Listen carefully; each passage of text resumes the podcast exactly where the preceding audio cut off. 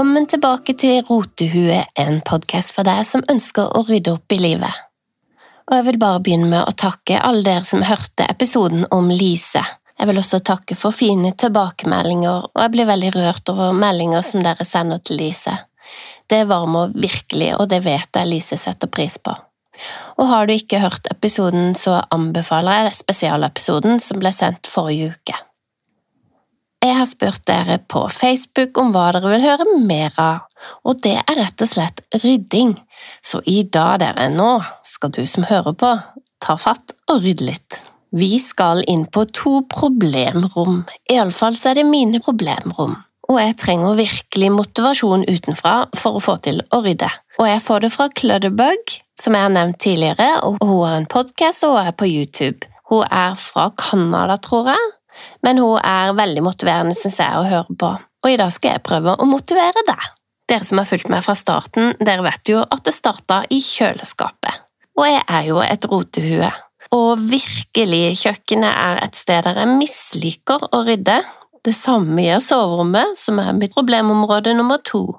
Men det skjedde noe magisk den dagen når jeg for to år siden, var det det? Tok kjøleskapet, og det var jo med hjelp av min kjæreste. Jeg trengte en annen person som sto ved siden av meg, når jeg i skammens navn skulle kaste den fjerde glasset med rødbiter som jeg aldri brukte. Det er jo ikke et prosjekt man bare gjør én gang, og så er man kjempegod på å ha det ryddig på kjøkkenet. Nei, det er jo noe man må skjerpe seg på hele tida. Men noen gode vaner går det an å etablere og nye vaner oppstår når du gjør en ting gang på gang på gang, nesten tvinger deg litt i starten, og så skal du gjøre det såpass mange ganger at det blir en vane. Og det har jeg jaggu klart på visse ting. Halleluja.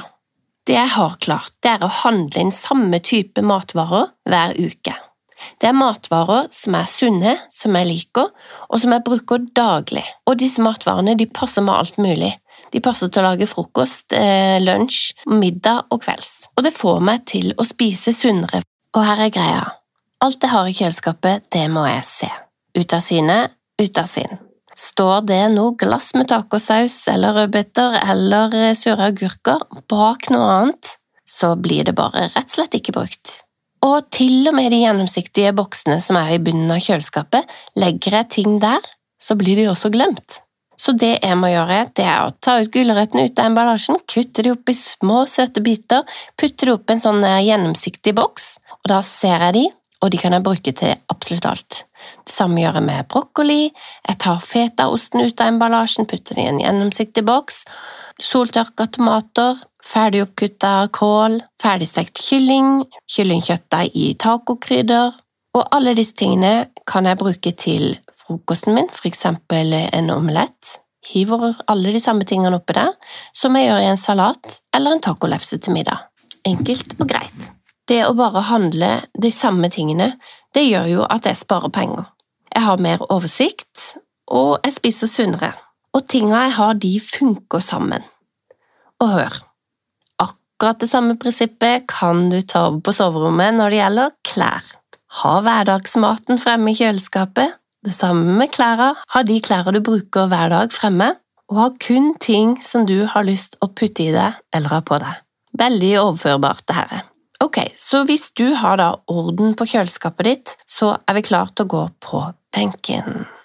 Det er så lett og fristende å fylle kjøkkenbenken opp med alt mulig rart. Og det verste er at man går jo blind på det.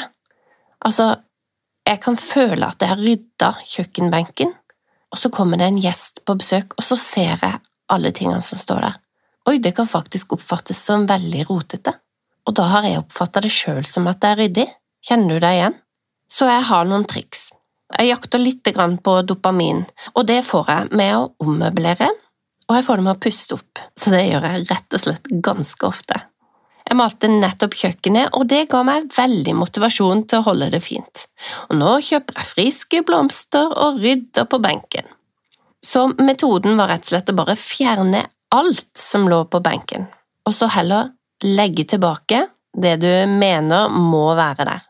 Vi kan sikkert trekke det tilbake til klesskapet også. Fjerne alt og legge tilbake det du faktisk bruker. Når noe har stått på et sted lenge nok, så ser jeg det rett og slett ikke lenger. For eksempel på denne her ryddige kjøkkenbenken, så sto likevel en brødrister, en skål med løk i, en sånn eh, roteskuffting som jeg har, en brødboks som jeg aldri bruker, for hvis jeg legger ting inn i brødboksen, så mugner det. Jeg kommer aldri til å ta opp det lokket og bruke det som er inni der. Det er en veldig fin boks, da. Det er kluter der, det er oppvaskmiddel, det er såpe, det er krydder, krydderhylle, kaffetrakter og diverse penner av og til. Som du skjønner, dette er når jeg føler at den benken er ryddig, altså. Så bare fjern absolutt alt og sett tilbake det mest nødvendige. Så må man se på krydder. Her er det typisk som finkjolene som henger i klesskapet, så er det finkrydderne som aldri blir brukt. Laurbærsblad og gurkemeie, hva nå enn det er. Det står der i skapet ditt, da. I tilfelle du trenger det. I tilfelle du skal lage en skikkelig fin rett, så må du ha det. Så må du ha gurkemeie. Tror det er noe gult. Nei, da er det bedre å investere i fire sånne flotte saltkrukker eller pepper og ha de fremme. Kvitt deg med det krydderet som allerede har gått ut på dato, for eksempel, og kvitt deg med det du ikke bruker i hverdagen. Du har sikkert råd til noe krydder til eh, vet du hvor mye det koster? 30 kroner hvis du skulle få bruk for det en vakker dag. Så er det koppene, da. Hvor mange kopper trenger du? Den letteste gaven å kjøpe for en grei pris er jo en kopp. En kopp med noe sånn skrift på. Ikke gi opp, nyt livet, livet er ikke det verste man har, en god venn i nøden. Ja, jeg vet ikke, det står mye på disse koppene, og det er kjempekoselig når man får en kopp, men det begynner å flytte litt over. Kopper er veldig vanskelig å kvitte seg med, og så er det den logoen fra den bedriften som du jobba på før, eller det stedet du besøkte, og bilder av Eiffeltårnet, eller… og det var jo en så fin ferie. Det er litt sånn følelser knytta til disse koppene. Men kanskje noen andre kan få bruk for de. Velg deg fire fine kopper, for eksempel, og så, og så kan du kvitte deg med de andre 50. Prøv skuffedelere i kjøkkenskuffen, og det bør ikke være en sånn dyr en du kjøper. Det kan være en liten plastboks som man setter i skuffen, og så legger du ting som passer oppi den. Kanskje du hiver oppi tre sånne plastbokser, og så har du delt opp skuffen. Mye mer oversiktlig. Og så var det å kvitte seg med duplikater og duppeditter man ikke bruker. Trenger ikke tre sånne potetmashere eller en visp som jeg aldri bruker. Kanskje har du mange kniver som er håpløse å kutte med. Eller ostehøvelen som du iallfall aldri ville valgt, for du har en bedre. Og ta deg en tur på bruktmarkedet med alle unødvendige duppeditter som tar altfor mye plass. Det verste er jo at de er ganske store, noen av de. Det er liksom den treningssykkelen som man bruker til å henge tøy på. Så trenger du egentlig en brødbakemaskin eller en eggkoker eller en airfryer. Hva med brødrister, vaffeljern og panini igjen? Har du brukt det de siste seks månedene? Det er vanskelig å kvitte seg med ting som har kosta en del penger, og som du hadde litt lyst til å bruke, men virkeligheten er jo at du aldri bruker den. Kanskje noen andre blir glad for akkurat den hvis du gir den bort, eller kanskje du skal selge det. Og har du arva noe servis som du aldri kommer til å bruke. Gi det bort, eller bruk det som sånn glassknuseterapi på en dårlig dag. Husk å rydde opp etter det, da. Og så er det lov å kaste, eller bare rett og slett bruke ting som har gått ut på dato. Var du sånn som meg, som hamstra litt ekstra i koronaperioden? Men for all del, man skal jo ha det myndighetene anbefaler, og for ordens skyld så kan vi ta med lista på det. Jeg er en litt sånn der semi-prepper ikke noe ekstremt, altså, men jeg liker bare tanken på at hvis zombiene skulle komme, så har jeg liksom det som skal til for å overleve noen dager. ok, jeg leser opp per person. Man eh, bør ha ni liter vann, to pakker knekkebrød, en pakke havregryn, tre bokser hermetikk, tre poser tørrmat, tre bokser med pålegg med lang holdbarhet, noen poser tørka frukt eller nøtter, kjeks eller sjokolade, medisiner du er avhengig av, og så en eller annen form for oppvarming, en eller annen form for kokeapparat som ikke går på strøm, noen form for lys og batterier, fyrstikker eller lightere, varme pledd og klær og sovepose, førstehjelpspakke, batteridreven DAB-radio, ladere av noe slag, våtserviett, desinfeksjonsmiddel, tørke- og toalettpapir, sanitetsprodukter, litt kontanter, ekstra drivstoff, og så er det jodtabletter, da, som var godt overprisa for ikke så veldig lenge siden. Siden jeg allerede har spora, så kan jeg jo like godt si at uh, kvitt deg med uh, teflonpanner. Kvitt deg med ting som har de der ekle stoffene i seg. Du har kanskje hørt om PTFE-belagte panner? Vel, det var jo det som var kjent som teflonpanner, som alle skulle ha, men det viser seg jo til at dette er farlige stoffer som ligger i dette belegget, og uh, det har kanskje vært litt underkommunisert hvor farlig det egentlig er, fordi det er så god butikk. Så sjekk panna di, og spesielt sånne ødelagte teflonpanner som har riper og holde i seg, de må du bare kvitte deg med. Så var det oppskriftsbøker, da.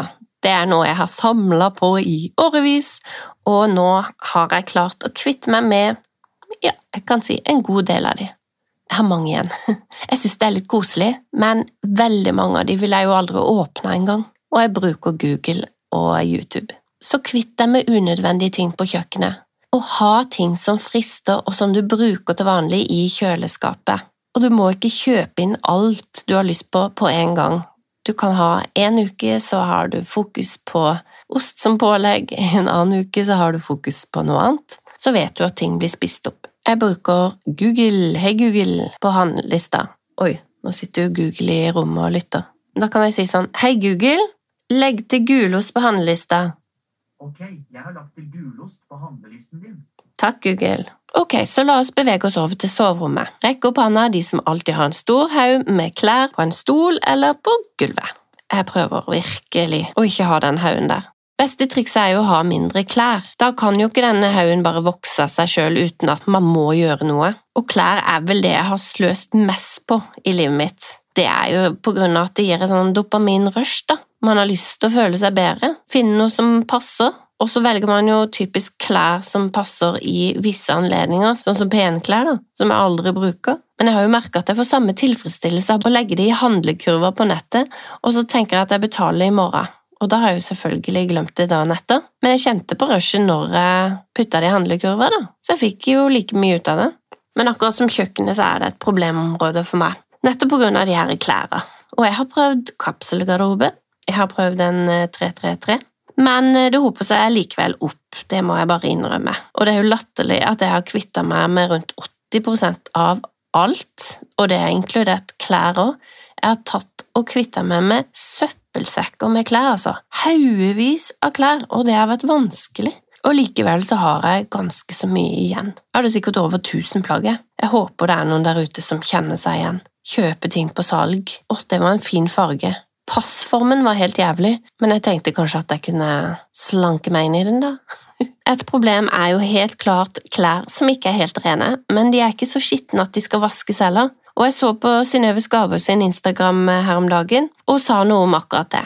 Legg de bare tilbake i skapet, det er ikke sånn at de andre klærne blir fornærma eller skuffa over det. Synnøve var jo gjest her i sesong to, så hør gjerne på den episoden om du misser den. Hun har mange kloke ryddetips. Det viktigste er å legge bort eller gi bort alle klær som ikke passer.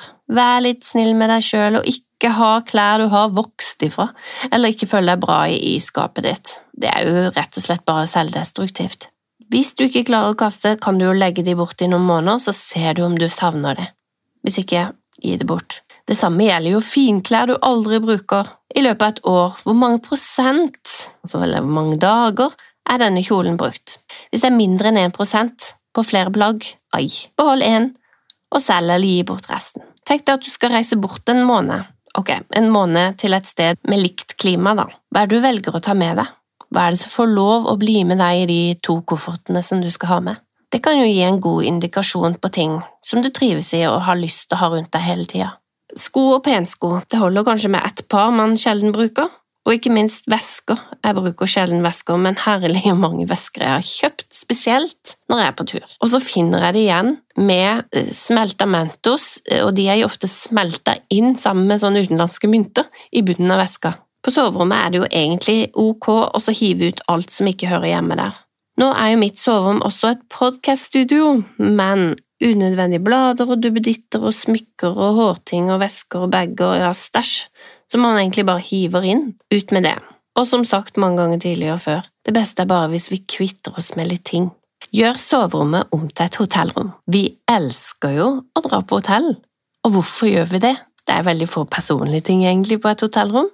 og jeg elsker at vinduene er store, og for å få den illusjonen så henger du bare noen flotte, lange gardiner helt opp i taket, så får du hotellooken på vinduene.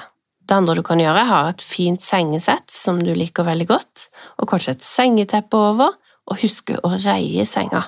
Det gjør de på hotell. Mal en farge på veggen som du liker godt, og belys soverommet sånn at du finner roen der. Nå håper jeg du er motivert til å begynne på kjøkken og soverom. Å ha det fint rundt seg det hjelper på humøret og psyken, og vi trenger litt motivasjon utenfra for å ta tak innimellom. Jeg får en boost av dere lyttere, og det er så fint at det er flere som vil ta tak i livet og rydde opp sammen med meg. Og jeg håper noen flere kjenner seg igjen i rotehuetankegangen, for det er nesten som jeg jobber litt mot min egen natur, som er bare å slenge ting overalt. I neste episode skal du høre om ei som har tatt med familien og reist fra kalde Norge og den lille bygda hun kommer fra, for å leve drømmen. Og dette har de klart på tross av helseplager og lave inntekter. Så hør i neste episode hvordan hun og familien fikk det til. Det er veldig inspirerende. Vi høres igjen neste uke.